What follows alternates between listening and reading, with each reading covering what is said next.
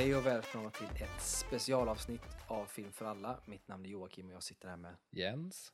Och eh, dagens avsnitt kommer vara ett litet specialare som ni varit vana vid vid andra tillfällen. Eh, nämligen att vi ska gå in på en, den här gången en regissör, Ja.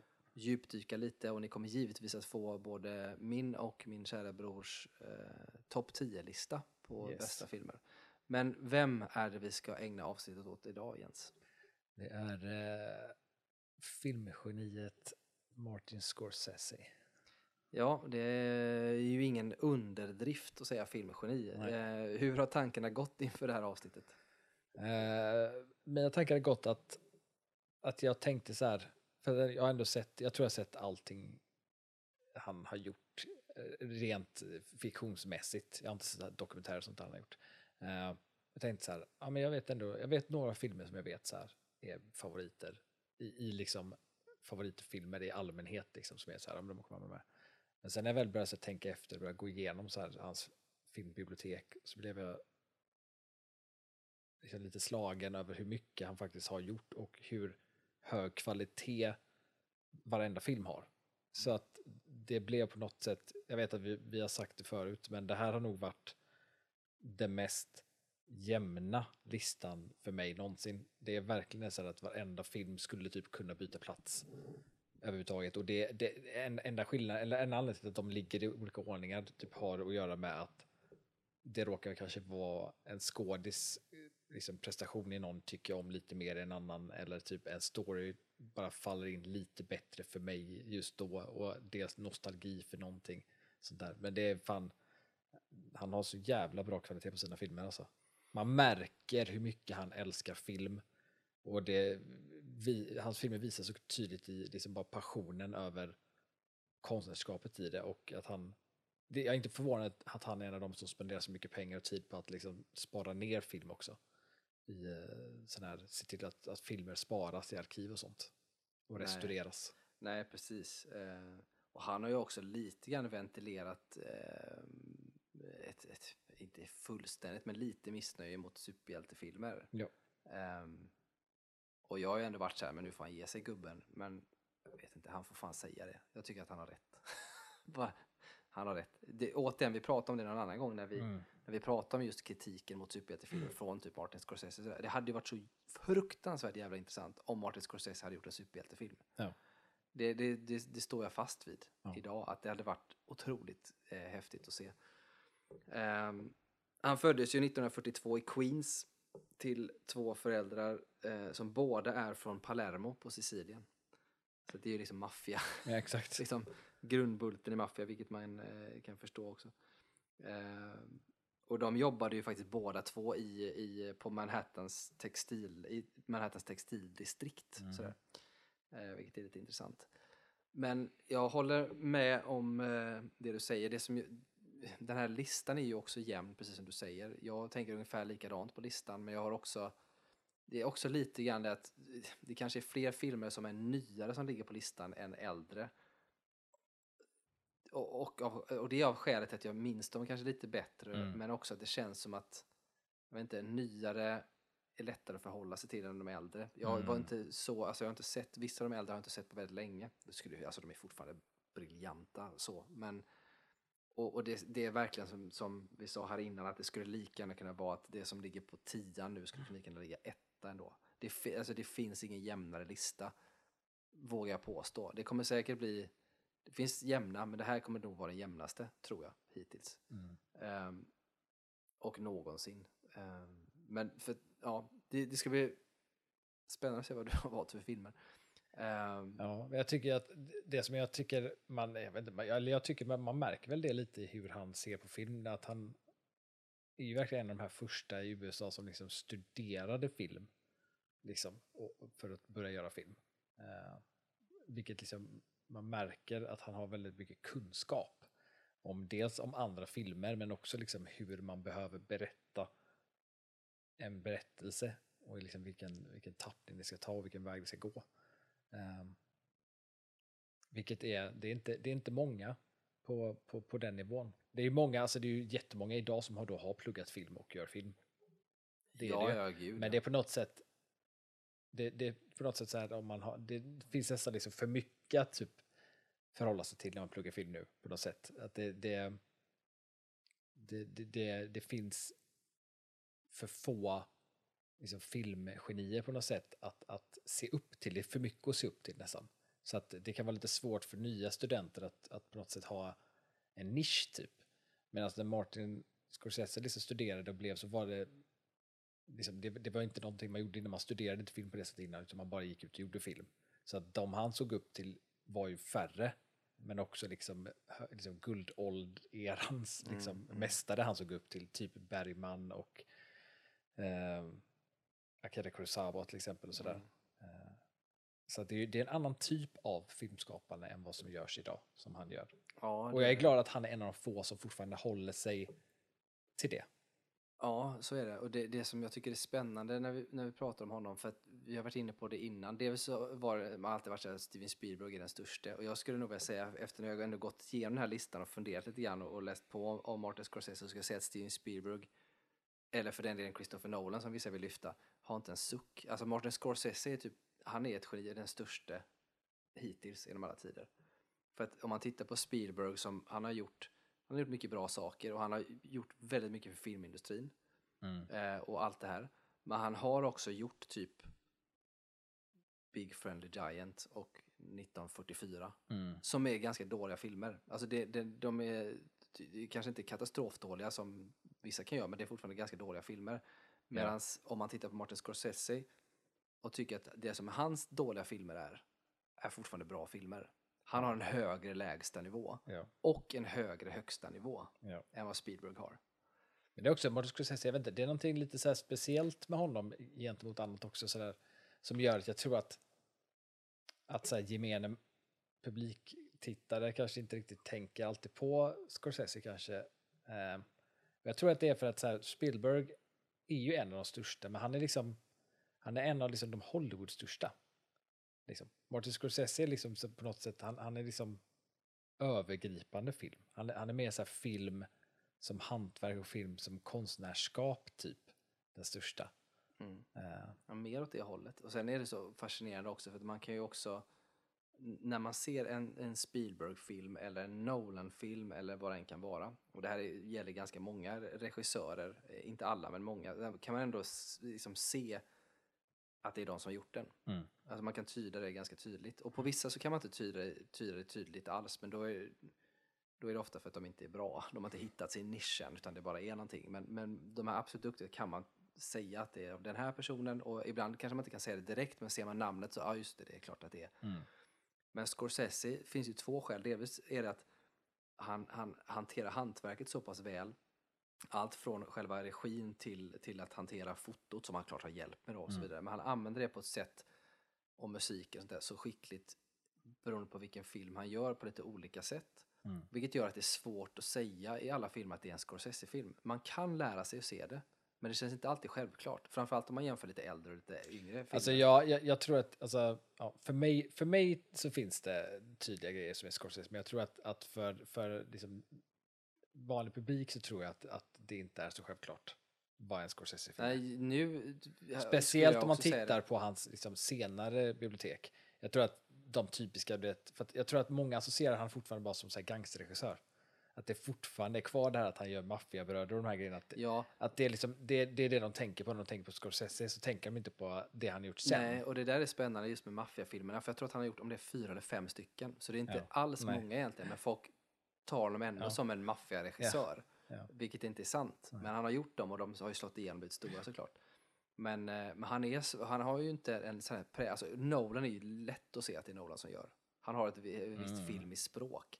Det har Scorsese med. Men, men det är mycket mer, jag vet inte, han är skickligare på att använda så många olika verktyg. Fast på ett lätt sätt så det blir inte svårt. Utan han, han hanterar... Men han är mästare, han är, han är verkligen mästare på mediumet. Alltså att, att förstå när saker behöver användas och hur det ska användas och specifikt när det inte behövs. Ja. För lugn och tystnad är han väldigt bra på. Ja, men han gör det Vilket så... få är, är idag. Ja, men han gör det så otroligt väl och använder alla verktyg på det. Och, men, han, och han kan ju verkligen allting. Han skulle kunna nischa sig och göra mycket med andra saker. Men ja. han väljer istället sin väg där han använder just de greppen han behöver och det han inte behöver. Och istället så känns ju filmerna bara som bra filmer och Ja. inte bara att det ska vara visuellt snyggt eller ska vara någonting, utan det är bara bra. Alltså det, det, det går liksom inte att understryka nog hur, hur otroligt skicklig Martin Scorsese är. Ja. Och hur många som ändå ser upp till honom. Ja. Och nu är det, han, har ju, han har ju undervisat själv också och det finns ju Mm. två regissörer som han har undervisat på universitetet själv och det är Oliver Stone och det är Spike Lee. De har båda pluggat på honom på New York University. University vilket är lite spännande. Och sen har vi och det är de han har officiellt liksom, eh, tränat så att säga. Sen Ja. har vi alla andra som har inspirerats av honom och som har pratat med honom och som har inspirerats och lärt sig av Han är honom. definitivt riktigt, en liksom. mentor till hur många som helst, jag tänka mig. Ja men vi pratar ju alla stora i princip som vi känner till idag. Kanske inte, ja, jo i och för sig Nolan tror jag också. Eh, pratat en del med. Men du har ju Jag hade de varit här... förvånad om Nolan sa att han inte var inspirerad av Martin Scorsese. Nej men lite så. Men sen har du ju verkligen det här gamla gänget, Francis Ford Coppola, Steven Spielberg, George Ja. Lucas. Hela, liksom, de här, det är klart som fan att de har haft kontakt med honom.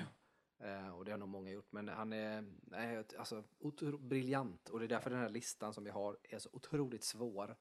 För jag hade, när jag kom hit idag så hade jag narrowat ner det till 17. Mm. och nu blir jag tvungen att kill massa darlings eh, och sådär. Det som Eh, jag tycker är egentligen, det, det som jag tycker är sorgligt kring Scorsese egentligen är att han inte idag är lika uppskattad av publik som han har varit. Filmindustrin älskar jag honom fortfarande. Och om, om, de, om de hade kunnat så hade de ju säkert gett honom alla pengar i världen för att göra film hela tiden. Eh, men det är, det är tråkigt att se att, att, att publiken inte uppskattar hans film på samma sätt längre. Att, att det är inte riktigt, den, den typen av film och det sättet att berätta på är inte lika populärt idag. Nej, men det är ju, det är ju är delvis, tråkigt. delvis superhjältar och delvis TikTok-hjärnans fel Ja. att det är så. Men vi, vi hoppas att vi får en renässans där så småningom. Jo. Ska vi gå in på listan då? Listan, Ja. Listorna som vi har. Yes. Vill du eh, börja med din nummer 10 då kanske? Jag på kan börja. Listan? yes. Eh, och på min nummer 10 är en relativt, eh, en av hans nyare filmer och eh, också en film som jag vet är nog förmodligen en av de lite underskattad också. Eh, men som vanligt så är, tror jag också att den var Oscarsnominerad, för det tror jag nästan alla hans filmer är. Eh, men det är The Silence med eh, Mm. Andrew Garfield och Liam Neeson tror jag är med i den också. Eh, men det är den här eh, historiska dramat med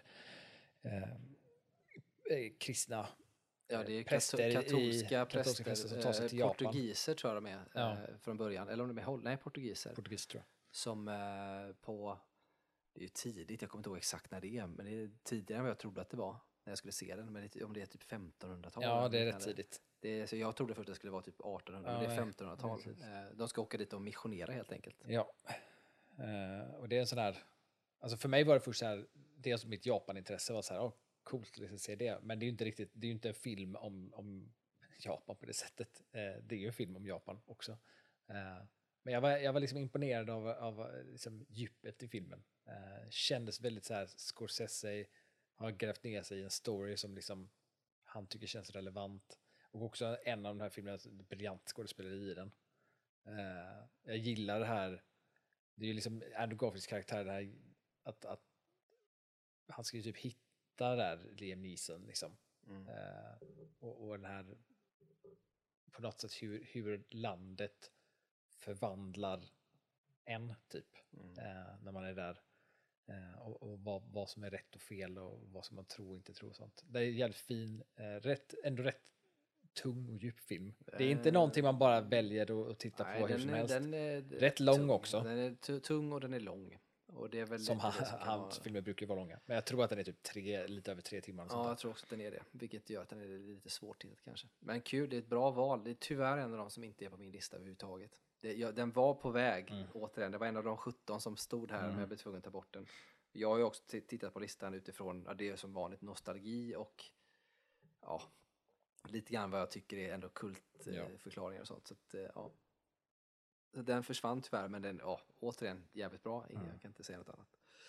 Ja, vi tar min nummer 10. där. Yes. Nu har jag varit jävligt ful i min nummer 10. Mm. För det är egentligen ingen film. Utan det är en musikvideo. Och det är en lång musikvideo så att man har inte sett, många har inte sett hela, eller vissa, jo, många på, från, kanske i vår ålder och lite äldre har sett hela. Men det är alltså Michael Jacksons Bad Ja. musikvideo eh, som han har gjort.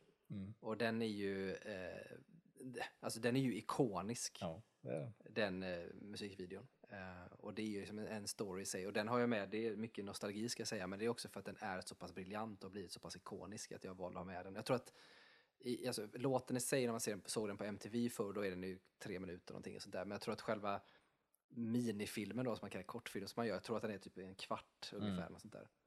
Eh, ja, behövs ingen mer förklaring på det. Men det, jag fular mig lite på nummer 10, bara för att Det är, med så, den. det är det som är kul med sånt där man kan se när... eh, För det finns ju många regissörer som har börjat som musikvideokreatörer. Eh. Ja. Men Johan sen finns det ju också ja. de som liksom redan har ett namn och så går de in och, och, och gör en sån grej, vilket är kul. För det var det ju för honom i den. Ja, ja, och Så- han har gjort flera efter, jag kommer inte ihåg vilka, man har gjort fler sådana musikgrejer sen. Men eh, jag blev tvungen att ta med den bara för att jag älskade ju Michael Jackson när jag var liten och Mm. den är värd att ha med så att den fick hamna där. Ja. Ja, nummer nio. Min nummer nio är eh, hans senaste, Killers of the Flower Moon. Mm. Eh, som vi har pratat om tidigare. Eh, tycker att det är... Den hade säkert kunnat hamna högre upp om det hade varit så lite mer så här... Några år senare typ. förmodligen. tänkte säga den, är, den, är, den är fortfarande så pass ny att, att den är med på listan för mig för jag tyckte att den var så pass bra. Eh, men- den hamnar på nio för att den är så pass ny och inte riktigt hunnit befästa sig i vilken rangordning den Nej, men jag, jag förstår precis vad du menar. Jag hade exakt samma resonemang. Jag har också med den på listan, men Mm. den är dock inte på nummer nio. Så den finns någonstans på min lista, men jag hade typ samma resonemang. Att jag var lite grann till och med att jag ska lämna den utanför för den är för ny. Mm.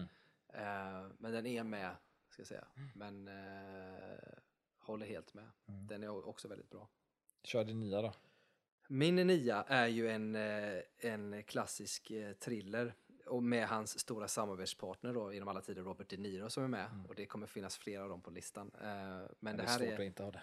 ja lite så. Men det här är en, en klassiker som kanske inte många tänker på, för det här kanske inte man klocken tänker att det skulle vara Martin Scorsese. Men det är alltså Cape Fear. Ja. Det, det är en av de filmerna som jag skulle säga är nog lättast att inte tänka på att det är han. Nej, jag tror det. För det är en sån, det är därför har jag med den lite grann, för det, för det är intressant. Men sen är det också att nu var det ganska länge sedan jag såg den, men det, alltså det var ganska länge sedan jag såg den i sin helhet, men det var inte alls länge sedan som den typ gick, om det gick på tv eller någonting, så här konstigt. Och helt plötsligt såg den, så kommer jag ihåg att man såg den när man var liten, och bara, Mm. så minns jag bara känslan från den, att den ändå var, ja, jag gillar den liksom. Och den är fortfarande, tycker jag, bra och den förtjänar sin plats. Det är Ja. lite, tycker jag, lite av en klassiker. Ja, men det är definitivt klassiker. Jag har inte med den på min lista. Eh, och det är också, jag kommer ihåg också när jag såg den när jag var liten. Tyckte den var svinobehaglig när jag var liten. Uh, sett den några gånger sen när jag blev äldre. Eh, och det är, sån här, det är en riktigt bra film. Det är, bara, det är en av de här få filmerna som bara inte faller mig i smaken story plottmässigt. Men eh, filmen är ju svinbra annars. Nummer åtta. Min nummer åtta är eh, nog en av de filmerna som förmodligen är hans största film och den som gjorde han förmodligen mest populär. Eh, eller som satte hans namn, det är Taxi Driver. Eh, och det är sån här, det är en film, den är svinbra. Men jag tror också att det är en sån där film som, den har inte kanske åldrats superbra. Jag tror att det är en sån där film som känns typisk för sin ålder, typisk för sin tid. Um, jag vet inte hur många i publik skulle tycka om den om den visades idag. Alltså så som den är. Inte att man gör om den utan man visar den som, som den är. För den är väldigt sin tid, den filmen tycker jag. Det är den absolut, men det finns ju paralleller till den och Jokern till exempel som görs. Alltså de är inte helt olika varandra. Eh, så. Jokern är ju typ Taxi Driver. Ja, exakt. Eh, så jag tror ändå att den hade kunnat gå hem till viss del idag ändå. Jag har också med Tax Driver. Den ligger dock eh, inte här än. Men jag tror storyn, plotten tror jag funkar. Jag tror bara att alltså, han har ett sätt att göra film på. Jag tror att sättet han gjorde film på, det är tidigt i hans karriär. Och hur den, hur den berättas. Ja, jag nej, osäker men, på ja, men, jag, nej, men jag kan hålla med dig. Jag tycker som sagt att jag har ju också med den. Men jag, jag förstår vad du menar. Det är också en sån film som har inspirerat så jävla mycket annat. Ja, supermycket. Alltså, både sett till hur man gör film, men också hur man, alltså, också från Robert De Niros sida, hur man hanterar roller, går in Ja. för roller och så vidare. Eh, Satte Jodie Foster på kartan. det är med när hon är ung som fan. Ja. Eh, och han har ju samarbetat med, med de här flera gånger. Robert De Niro är ju också en sån här, det kanske vi ska göra ett avsnitt om också, för det är också en sån här precis på samma sätt som Martin Scorsese kanske inte är, kanske är lite underskattad till och med, trots att han är typ the godfather av all Mm. film. Ja. Så är Robert De Niro också underskattad. Ja. För de flesta känner väl igen honom mest från typ så här Släkten i värst-filmerna nu Men, det, ja, liksom. men, det, ja, men han, han borde vi definitivt göra ett, avsnitt om. För att det är väl, väldigt sådär, där tror jag att det verkligen är så här vilken generation du är ifrån kommer du ha en helt annan uppfattning av vem han är. Ja, så är det nog. Eh, och det är lite intressant för de här två, de växte ju upp i samma område Mm. och är typ födda typ samma år också. De är typ lika gamla och växte upp i samma område, men de träffade aldrig på varandra när de växte upp. Det är bara några kvarter från varandra. Eh, men sen var det först när de lärde känna varandra i senare åldrar som de stötte på varandra och då sa de att då hade de märkt att de hade sett varandra Mm. på sin high school eller vad som Mm. helst. Men de hade liksom inte pratat eller umgåtts. Så det, Mm. det är ändå lite coolt Ja, att de ändå hittat intressant. varandra i detta. Ja, din åtta då? Min åtta är eh, en film som är, eh, för det här är också det som han gör som är bra, att han, han många gånger så är det ändå Scorsese-filmer på samma sätt som man kan säga Nolan-filmer på ett sätt. Men, men Scorsese-filmer är ju Scorsese-filmer, men han byter ju också alltså, teman i filmer. Det enda han inte har gjort är väl typ science fiction, liksom. Eh, så. Mm. Men han, och mycket är ju så att säga thriller-element och sånt också, men han byter lite grann mellan eh, lite genrebyten i sina filmer Mm. på ett sätt som väldigt få andra regissörer gör. Mm. Eh, och här har vi lite av en sån, eh, och det är The Color of Money Mm. eh, med, med Tom Cruise eh, och eh, Paul, som jag inte kommer ihåg vad han heter nu bara för det. Eh, men eh, det är ju den här biljardhistorien. Mm. Den är länge sedan jag såg. Den är så pass länge sedan jag såg att jag knappt kommer ihåg vad den handlar om. Ja, och det är, ju- det är ju en hustler-film typ. Ja. Alltså, sådär. Ehm, och den, det finns väldigt mycket Scorsese i den och den är verkligen en, en klassiker som påverkat också väldigt mycket. Men den känns precis som Cape Fear inte så här klockren Scorsese som mycket annat gör. Så för mig, och det, jag minns också så här nostalgi från när jag tittade på den när jag var liten och tyckte den var bra. Så att, eh, nej, den eh, fick hamna där för mig. Mm. Då är det min nummer sju då. Ja. Eh, och min nummer sju är också en, förmodligen en av hans mest välkända filmer och det är Casino. Eh, tycker jag är en, det är en sån där film som jag nästan alltid, jag vet inte, när jag tänker på den så är jag så här typ, jo men den är bra. Men sen när jag tittar om på den så är jag alltid, blir jag typ alltid överraskad över hur bra den är. Mm. Alltså jag, blir alltid, jag blir typ alltid förvånad över den fastän att jag vet exakt vad som händer i den. Vilket är en konstig filmupplevelse varje gång. Eh, den, är också, den har ett, ett tempo i sig som bara slukar in en tycker jag. Eh, som gör att det blir tråkigt att se den även om det är ändå en film, det, det är intressant med flera av hans filmer för att han gör, har gjort filmer som är där poängen är att man inte riktigt vet vad saker, vad som ska hända liksom. Och att det kan vara lite hemligheter eller vet, så här, någon går bakom ryggen på någon annan och sånt.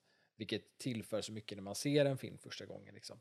Och kan ta bort ifrån filmupplevelsen när man ser dem igen. Men jag tycker någonting han gör gör att det är fortfarande lika intressant att se det ändå. Fastän de vet exakt vad som händer. Mm. Eh, också en av de så här, han, han har ju flera filmer då han gör det brutalt i, men eh, en av de mest brutala scenerna jag tror han har gjort är ju när eh, den, vad fan heter han nu, korta lilla, Joe Pescis karaktär där avrättas i, i Las Vegas-öknen där. Just Den är brutal som fan. Ja, den är otäck. Också en av Joe Pescis bästa karaktärer. Ja. Han var väl Oscar för den, Joe Pesci va? Jag tror det var den han vann Oscar för. För han vann ju någon för bästa biroll någon gång. Ja, jag tror att det, Jag tror att det, kan vara den. den. Det kan vara den eller, eller Maffiabröder. Ja, det kan vara Maffiabröder han vann den för i och för sig. Men han är ju också, också återigen en som kanske är lite underskattad ibland. Ja. Sjukt bra. Samtidigt så ska jag säga att Joe Pesci spelar ju oftast också Joe Pesci. Ja, så att han är, han är ju som han är. det, ja lite så. Eh, Jag tycker fortfarande att en av hans bästa rollprestationer är i, eh, vad, vad heter den? När han spelar advokat till Ralph Ma- Macchios. Ja, ja, ja, den ja. Min eh, kusin Vinny. ja exakt. Svinbra film. Eh, Det är också, En av de det- mest underskattade filmerna någonsin. Typ. tänkte precis säga det, att det är en sån film, den måste vi någon gång prata om tänker Ja, jag, för jag den är verkligen superunderskattad. Ja, den- den är svinbra. Eh, Den är riktigt bra. Det är inte Martin Scorsese. Nej, det Eh, inte. Men skulle kunna vara. Hade nästan kunnat Skulle vara. Vad Din du nummer hade- sju då? Det är min nummer sju. Ja. Ja. nu kommer vi in på en som vi pratade om redan och det är Killers of the Flower Moon. Mm. Den satte jag på nummer sju. Jag var ändå så här att jag ville inte sätta den för, jag, jag ville ha med den för jag tycker fortfarande att den är bra. Precis som du resonerat, jag vill inte sätta den för högt heller och den var på väg att hamna lite lägre ner ändå. Men jag tycker fortfarande att den var så pass bra att den får nästan vara där Ja. ändå. Sen kan det ändras. Så att, eh, jag tycker att det är så mycket, jag tror att den till och med till och med kan den nog växa och bli ännu bättre. För jag, Ja, jag tror har jag inte också. riktigt smält den ordentligt än med Delvis är det sett till hela regin och, och alla de bitarna, men sen är det också just rollprestationerna från både Robert De Niro och eh, Leo DiCaprio och eh, hon, eh, som jag inte kommer ihåg vad hon Jag heter, hon heter. som eh, spelar kvinnliga huvudrollen där, den här native american. Så att det fick bli min nummer syv. Ja. Din nummer sex då? Min nummer sex är Shutter Island. Mm. Som jag också tycker känns som en, den är underskattad. Ja, det tycker jag också att den är. Också lite känns som att folk eventuellt glömmer av att det är Scorsese som gör den. Eh, men jag tycker att det är en ehm, så jävla bra thriller. Mm. Fruktansvärt bra thriller. Eh, med, med så här, ja, det är verkligen så här man vet inte vad som är vad. Alltså det är på något sätt så här, det, det är lite som att det är lite så här eh, Nolan-esk i, i, i berättelsen, att det ska vara så här, man vet inte vad som är vad. Men liksom Scorsese gör det, gör det bättre typ. Men sen vet jag också att jag tycker, ehm, jag, jag tycker att Leo har, eh, både i den och i Inception av Nolan, så tycker jag att Leonardo DiCaprio har två så jävla starka roller som han gjorde typ så jävla tätt in på varandra med ändå liknande teman med, med någon som förlorat När man, någon. när man inte vet vad verkligheten är helt Exakt, enkelt. ja, och, och att man har förlorat någon liksom. Mm. För att det är de här scenerna när han liksom, man får se när han, vad ska man säga, bryter sig igenom och minns det han har förlorat både i, i Inception och i, i Martin Scorseses Shutter Island där. Det är någonting väldigt kraftfullt i båda dem, hur han gör det. Och jag Mm. vet inte om han, Nej, de gjordes ju tätt in på varandra också. Ja, jag tycker att det, det är väldigt intressant det du säger. För att där, där skulle du, alltså i princip så är det är väldigt intressant faktiskt. För du skulle i princip kunna klippa in eh, när han minns sin fru i Shutter Island. Ja. Kontra mot när han möter eh, sin fru och, och minns tillbaka i, i Inception. Inception. Ja, och, ja, liksom, och bara klippa in, Ja, byta Ja. plats på scenerna och det skulle funka fortfarande. Ja, ja. Det är det som är intressant, för jag tänkte på det här sista när jag såg ett eh, klipp från Island just på det. Så tänkte jag så här, ah, Inception, men bara, nej vänta, det här är inte Inception. Det här är ju från, för det är väldigt likt och det är Ja. lite intressant faktiskt. Sen tycker jag Mark Ruffalo är så jävla bra i Shutter Ja, också. riktigt bra. Men den, är, alltså, men den är skitbra. Jag ska säga att jag har Shutter med också, men den är lite högre upp. Eh, Så den finns med. Ja. Kör din nummer sex då. Min nummer sex är ju en brutal jävla film och det är Gangs of New York. Mm. Som jag tycker, jag vet att när den kom så blev den inte jätteuppskattad, men den har ju verkligen blivit uppskattad efteråt nu och verkligen kultförklarad. Och det är lite coolt nu för det kommer ju faktiskt en serie. Ja, Ehm, ska du göra det? Baserat som, på den eller? som är, ja, Gangs of New York-serie. Eh, som han är med och eh, producerar. Producerar? eh, som jag ser fram emot. Men den är Ah. otroligt bra. Delvis är den är bra för att det är precis det här jag gillar med honom som jag tycker att han gör nästan bäst och det är när han tar eh, historiskt eh, alltså, här, his, historiska saker som har hänt och som Ja. utspelar sig men lite grann kanske överdriver det i detta. För Ja. det blir lite mer, istället för att det blir, det blir liksom från att det är Men ska det, lite, det det blir korrekt. förhöjd verklighet. Ja, liksom. istället för att bli historiskt korrekt helt och hållet så blir det liksom, istället så blir detta någon form av nästan som så här nästan som en slags Hongkong-maffiarulle Mm, fast mm, mm. i New York för Mm. länge sedan när du har så här ledare som är liksom överdrivet Mm. Eh, liksom spelad och, och ser ut på ett visst sätt och de klär sig på ett visst sätt som känns överdrivet.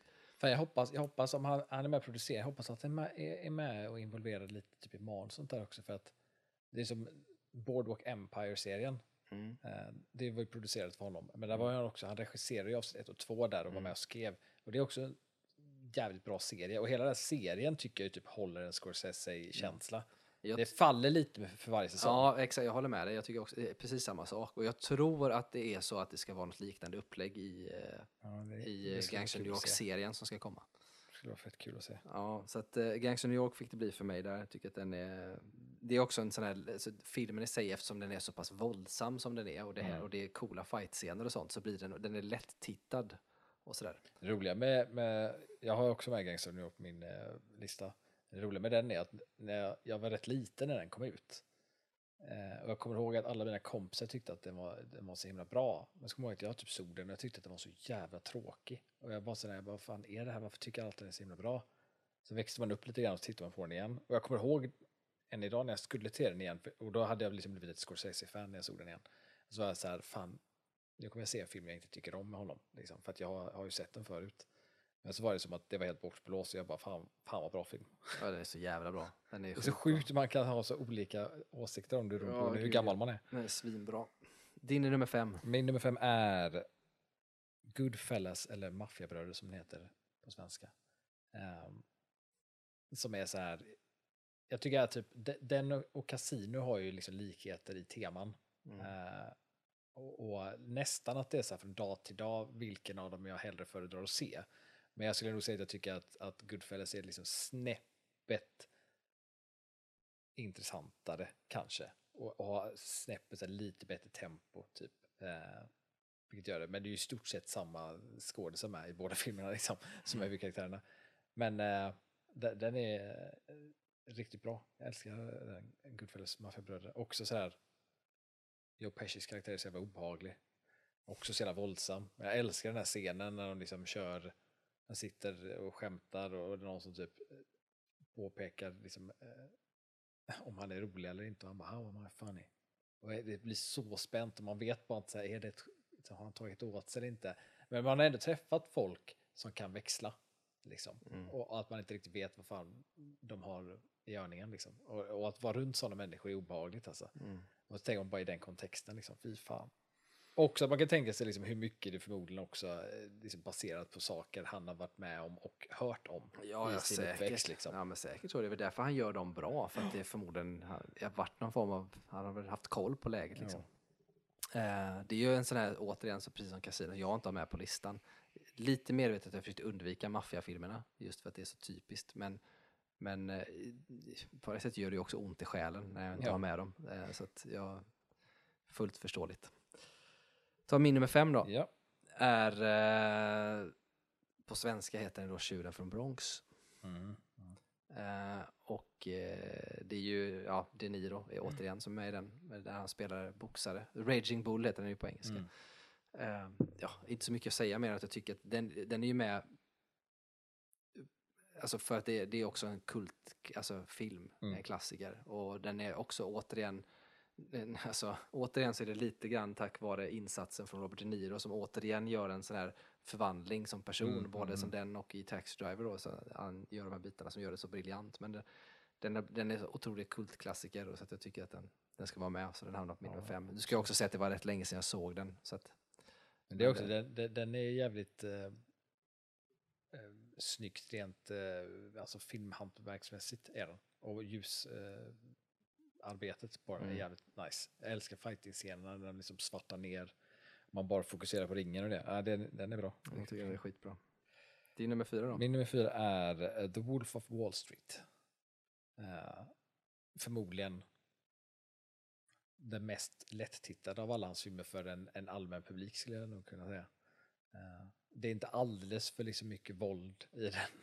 Det är lite våld Nej, jag och tror... den, den har ju väldigt liksom högt tempo och sådär. Men den är, den är den är bra. Jag gillar den. Det är så, my, det är så mycket i den. Det är så överflådigt av saker.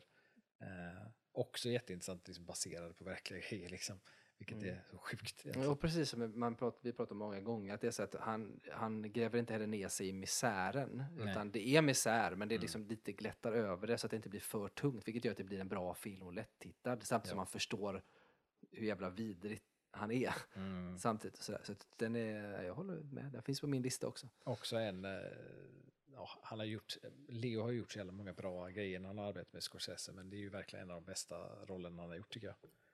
Ja, absolut. Och då ska man ändå säga att han har gjort en jävligt massa bra roller. Jävligt där, massa det bra roller. Säga, men det gör han väldigt bra. Eh, det var din fyra va? Ja. Då är det min fyra. Och det har vi pratat om redan, det är Taxi Driver. Mm. Det är samma skäl. Jag tycker ändå att Taxi Driver är just det här personporträttet och just det, det här psykologiska thrillerspelet som finns, med, som han skapar med Robert De Niro och allt detta är så otroligt briljant. Ehm, så att den, jag höll nästan på att sätta den ännu högre upp, Mm. men jag får hamna där för att jag har några andra som jag tycker. så det var min nummer fyra.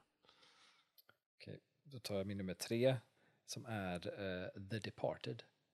Ehm, som på något sätt visar hur jävla sjukt bra film man kan göra fastän att man gör en remake. så, så bra att man inte ens tänker på att det funnits en innan. Liksom. Ja. Ehm, Som ursprungligen är en Hongkong-film. Hongkong, ja. men det är också, han gör det ju briljant. Han, han, han tar ju liksom idén av det och sätter det i ett helt annat kontext. Liksom. Ja. Ehm, Det går ju från att vara den här kinesiska typ triad-grejen, Ja. där det är väldigt mycket, för i den, originalet så är det väldigt mycket den kulturella kontexten. Mm. Och han gör det så otroligt skickligt genom att sätta in den här irländska Mm. maffiakontexten istället. Sen är det ju andra som rör sig också, men det är otroligt briljant. Också mycket bra skådisar, alltså Leo, eh, alltså Jack Nicholson, Mm. Matt Damon, Matt Damon. Mark Wahlberg. Ja, mycket bra. Det är alltså. också sån där film där det är, jag, gillar Jack Nicholson när den visar så, så himla väl så här vad, för det är ändå också en punkt i Jack Nicholsons liv då han inte gjorde så mycket film längre. Eh, men visar verkligen hur jävla briljant han kan vara om man har en regissör som vet vad han vill. Ja, och det här tror jag, det här är intressant, för man har ju hört den här historien när Jack Nixon pratar om, de pratar om hur de ska mörda någon Ja, i den. jag vet. Ja. Eh, och när Jack Nicholson är den som kommer med förslaget på hur han ska säga och göra i den grejen. Ja, och det bara- här som jag, Och ökar hela scenen. ja, precis. Och det här tror jag Martin Scorsese har just det här, hur, visar hur bra han är. För vissa regissörer vill ju att det ska, ska säga exakt det som står på Ja. pappret och vissa är mer så att, ja men, improvise, gör någonting så här. Här tror jag att Martin Scorsese, han, eftersom han förstår hantverket och förstår Mm. allt detta, så är han liksom öppen för, så länge det blir en bra balans, och testa och just känna efter om en skådis vill ha en idé om hur man kan göra det på ett annat sätt, så, så tar han till sig av det och, och det kan förstärka scenen och göra den bättre, vilket det gjordes också. Ja. Och så, och det, jag tror att här är han ju ödmjuk i det. Och löser det, det, det, jag tycker den scenen och processen av den scenen visar när, när, hur, hur bra någonting kan bli när det är en, en regissör och en skådespelare som har en väldigt bra arbetsrelation Mm. och båda liksom förstår att vad man, dels vad man vill få ut av, av storyn men också av karaktären i det ögonblicket och vad karaktären ska liksom betyda i sin helhet. Alltså Mm. vad är äkta för den karaktären där och Mm. vad är poängen? Hur obehaglig ska han vara? Hur sjuk i huvudet ska han vara? Mm. Och det, det är snyggt, för det är egentligen en sån balansgång där det kan gå åt helt fel håll. egentligen. Ja, för det är ju återigen den här grejen och det handlar ju om hur man professionell man är, både som regissör och som skådis och ta till sig. För vissa skådisar tar ju illa upp om man ska påpeka hur de ska göra, kanske för mycket och sådär. Men här tror jag det handlar om att, för det är just det här med att han går in för att han, Scorsese vill bygga en karaktär och gör Mm. det. Och någonstans i den processen, när han med skådespelaren bygger upp karaktären, så upplever jag det som att någonstans så lämnar han ju över det lite mer till skådespelaren. Mm. Men då har de hjälpt att bygga upp den tillsammans och helt plötsligt så är det som att ägandeskapet finns hos skådespelaren. Och då, är, då måste man ju lite grann lyssna på, för att han har ju rätt, han lever ju i den här karaktären Mm. skådespelaren, i det här fallet Jack Nicholson. Och då kanske man ska lyssna på vad han har att säga om reaktionen Ja. hans karaktär borde ha i den här situationen. Äh, återigen, briljant film och det kommer vi komma tillbaka till. Och briljant scen. Så att, ja. Mm. Det var din Trea. Trea, okej, okay, min nummer tre då. Eh, nu kommer vi in på saker som vi pratade om redan. Nu kommer The Wolf of Wall Street, Mm. nummer tre för mig. Och vi har pratat om den redan, så det är inga konstigheter. Min nummer två har vi också pratat om och det är Gangs of New York. Mm. Eh, Kul att den hamnar så högt upp. Den ändå. hamnar så högt upp. Den gjorde ju verkligen en, en, en 80 för mig, som jag menade, från att inte tycka om den till att tycka den är svinbra. Då är det min nummer två då, Ja, blir det va? ja. Och eh, har vi också pratat om redan, och det är Shutter Island. Mm. Som jag tycker är, alltså jag älskar Shutter Island. Från när jag såg den på bio första gången så Mm. tyckte jag att den var så jävla briljant. Och vi har ju pratat om den redan, men jag måste ju bara säga det för att det är ju, vi pratar ju om att liknande med Nolan, men det finns ju också likheter med, med Sjätte sinnet och, och M. Night Shyamalan i och med den här twisten som Ja, finns i det. ja. Eh, och jag tycker att, nu är det lätt att säga, men Sjätte sinnet så tycker jag att man skulle kunna utröna det. Det var en chock då och så vidare såklart. Mm. Men den här kom ganska långt efter och lyckas ändå lura mig och publiken att inte förstå vad det är som händer. Ja, ja. Förrän när det sen blir avslöjat. Och ändå sen när det är i slutet så vet man ändå inte. Nej, och sen så är man fortfarande osäker. Ja. liksom. Och det är det här som är grejen som han gör så, som är så fruktansvärt briljant. Och jag minns bara att jag tyckte att den var så otroligt bra. Alltså den är otroligt bra. Så Den är svinbra. det är min nummer två. Okej, då kommer vi till min nummer ett. Eh, som har varit min a- absoluta favorit Scorsese-film ända sedan jag såg den första gången. Eh, och det är The Aviator. Anar att du skulle ha med den. Ja. Jag älskar den filmen. Den är så bra på så många sätt. Dels så är det så här nostalgiskt för mig för att jag såg den när jag var i sånt jävla så här Scorsese-mode bara så. Men eh, och att jag älskar Leonardo. Men jag tycker det är en av de också de bästa rollerna Leonardo gör. Men sen älskar jag också hur han använder liksom, filmen som medium i den. Jag gillar verkligen det här dels att det är en period piece också, men jag gillar hur han använder alltså, olika typer av film, eh, liksom, ja, alltså fysisk film när har spelat in den för att ge en känsla över vilken tid det utspelar sig i, Mm, från mm. Liksom, decennium till decennium och så vidare. Eh, och sen älskar jag, jag gillar ju sådana filmer som utspelar sig i filmvärld, liksom i Hollywood och sånt där. Eh, och sen är det intressant också med att det är baserat på en riktig person och att liksom försöka förstå sig på hur, Hur en excentriker hur, ja, är. exakt, hur Ja. han var liksom. Eh, och hur, liksom, hur absurt det måste ha varit. Eh, och jag tycker eh, all den här, alla beteenden han har i det där Leo gör han så jävla snyggt och så Mm. jävla bra. Eh, för, för, för, för mig är det på något sätt att Scorsese tar all, all kunskap han hade om film på alla sätt, så musik, stil, plott, allting till den stunden liksom, i sin karriär. Det, han tog allt det och typ gjorde The Aviator tycker jag. Och jag tycker än än idag borde han, ha- Leo, ha vunnit eh, pris för just den rollen. Mm, kanske. Jag vet att det pratas mycket om den och jag såg den själv också. Den här är en av dem som jag faktiskt inte hade jättesvårt att lämna utanför en topp 10-lista. Den var med bland mina 17.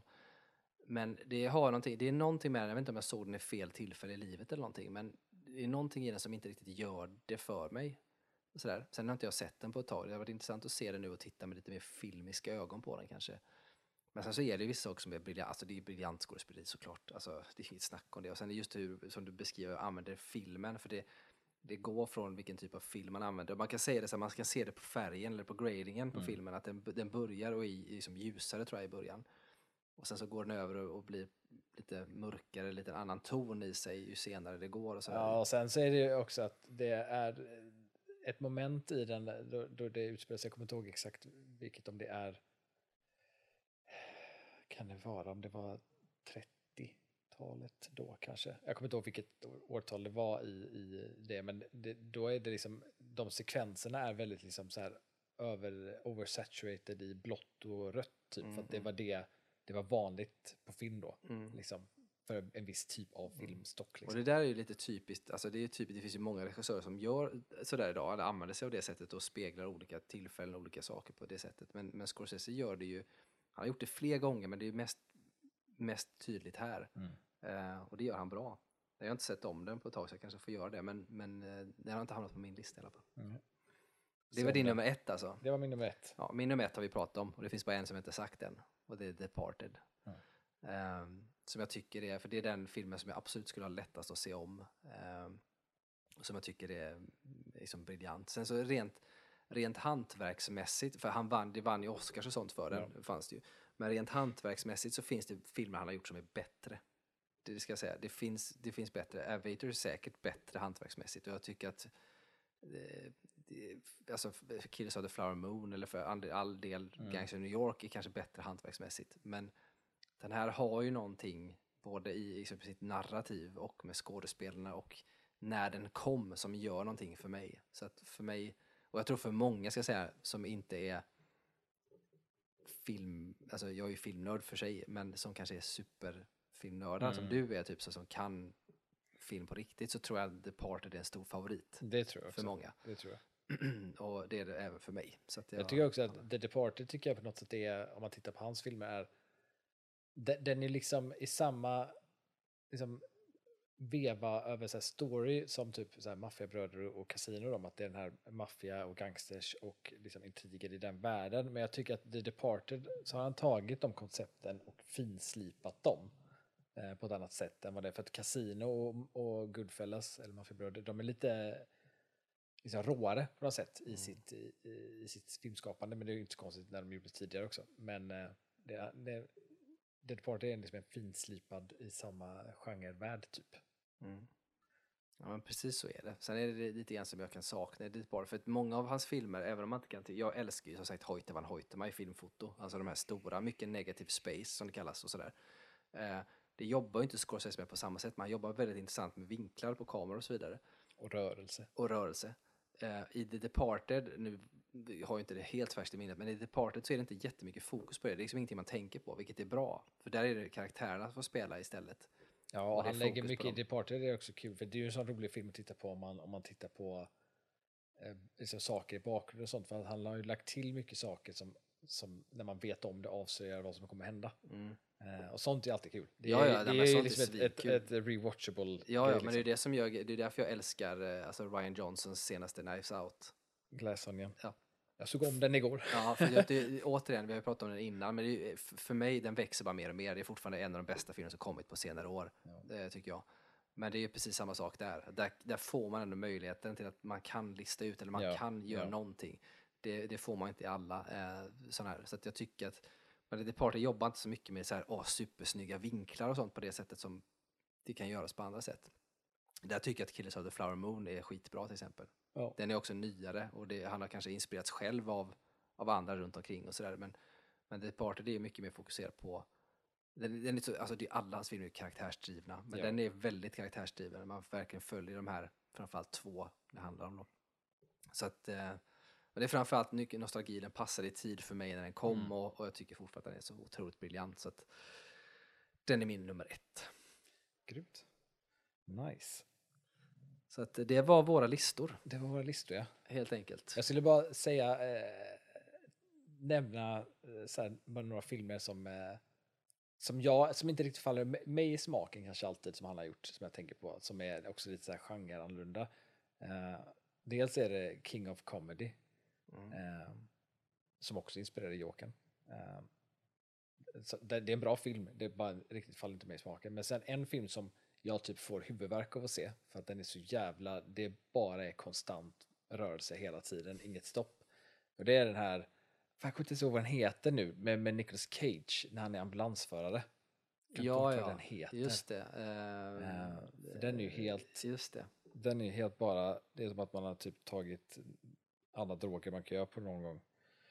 Den är helt jag måste kolla upp vad den heter. Varför det? Eh, för det är en sån där film, jag har nog bara sett den kanske, ja jag tror jag bara pallat se den två gånger. Men den, den är bra, det är bara det att man typ orkar inte, man blir helt jävla matt i huvudet. Ja, Just det, Bringing Out the Dead heter Just det, Bring Out the Dead ja. 99. Den hade jag typ nästan förträngt. Men, men den är ju, ja den är också speciell. Ska man säga. Det finns ju, alltså, det finns ju så mycket. Alltså han har gjort, om man ska titta på genrebytande, för att nämna några filmer. Han har gjort Kundun Mm. till exempel, som utspelar sig, det är som en, det är en asiatisk eh, film, kan man säga. Som ett utvalt barn liksom. Ja. Eh, och sådär. Och Han har ju också gjort en Age of Innocence, alltså oskuldens tid, som är ett kostymdrama. Typ. Mm. Ehm, Last Temptation of Christ. ja, och han har gjort en del, alltså han, han gör den här Kristi sista frestelse då, den Mm. här Last Temptation of Christ, och nu ska han ju göra en till eh, Jesusfilm. Ja, jag vet, jag läste det. Eh, som kommer nu, som ska vara, det står så här att det ska vara en, en, en, annorlunda take på Jesus liksom. Ja. Ehm, och jag fattade som att den ska vara typ grundad i typ verklighet, men ska liksom beskriva det mer, kanske inte så mycket från mytologin, utan mer från historiken Mm, typ på något mm. sätt. Men vi får se, den, den ser jag fram emot. Det ska bli kul att se. Ehm, sen har han gjort så här, En natt i New York till exempel. Det är också en sån här gammal klassiker som inte så många känner till. Sen gjorde jag, jag tror du nämnde den i början av avsnittet, den här Hugo Cabaret. Mm. Som jag tror, alla var ju helt förvånade över att han gjorde den filmen, en barnfilm liksom. Men där vet jag också att det var en sån där film, han ville ju göra den för sina barnbarn typ. Ja, det står att han ville ge någonting. Det står, står att hans dotter han ville ge det, men det, det är någon så här, han ville ge någon i alla fall, yngre. Så här, nå- han ville göra någonting som barnbarn eller barn kunde titta på. Ja, Typ. för att andra, hans andra filmer är inte så barnvänliga. Nej, det kan man ju inte säga om typ någon egentligen. Men Hugo Cabret är ju det. Och Hugo, alltså det, är sån här, jag har typ sett den en gång tror jag. Och det är väl, jag ska inte, säga- den är väl inte dålig, men jag tycker inte att det, det är ju kanske den svagaste. Ja, det, det är sagt nog, är det, det en- det är nog en av de svagaste. Hög lägstanivå fortfarande, men Sen är det ju, man kan ju också nämna, som fick så mycket skriverier och sånt där, det är ju The Irishman som han gjorde. mm. Som, som eh, för mig blev lite av ett, vad ska man säga, lite felsteg nästan. För att det, det är en bra film, det är bara svårt att se om den för att tekniken håller inte riktigt. Alltså, just när man gjorde all det här de-ageandet och allt det där, man ser, även om det ser bra ut, så ser man liksom när, han, när han ska vara ung då, Robert De Niro, och han rör sig så ser man ju att han är gammal, alltså hur, i hur han rör sig, vilket gör att man tas ut ur berättelsen och ur storyn, eh, vilket är lite synd.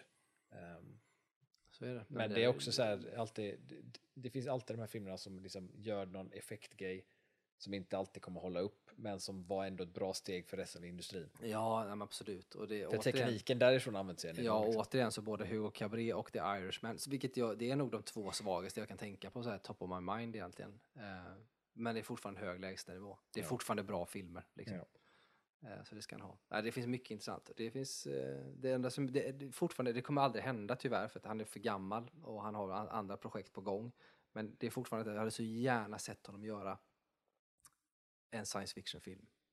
Ja, det hade jag velat Det, säga. det, alltså, jag tänker mig bara, alltså, hans sätt att göra, jag tänker om han hade fått regissera Blade Runner till exempel. Alltså, det Det hade kunnat bli så jävla Det intressant. hade blivit en jävligt annorlunda film. Uh, ja, sci-fi, det hade jag fan velat säga göra. Men det kommer man ju aldrig hinna. Nej, men han kommer inte hinna, tror, dels så har han inte intresset för det tror Nej, jag Och han det. kommer inte heller hinna det. Så det är lite synd. Däremot så finns det en annan stor regissör som är på gång som ska göra sin första sci-fi-film. Och vi kan vi prata om mer om någon annan gång. Men det är ju, tänker jag säger rätt nu, det är Francis Ford Coppola. Ja, men det har jag också... Han Det eh, läste jag någonting om, ja. håller just nu på med en science fiction-film. Och det kan vi gå in på på ett annat avsnitt. Så får ni en liten cliffhanger på den.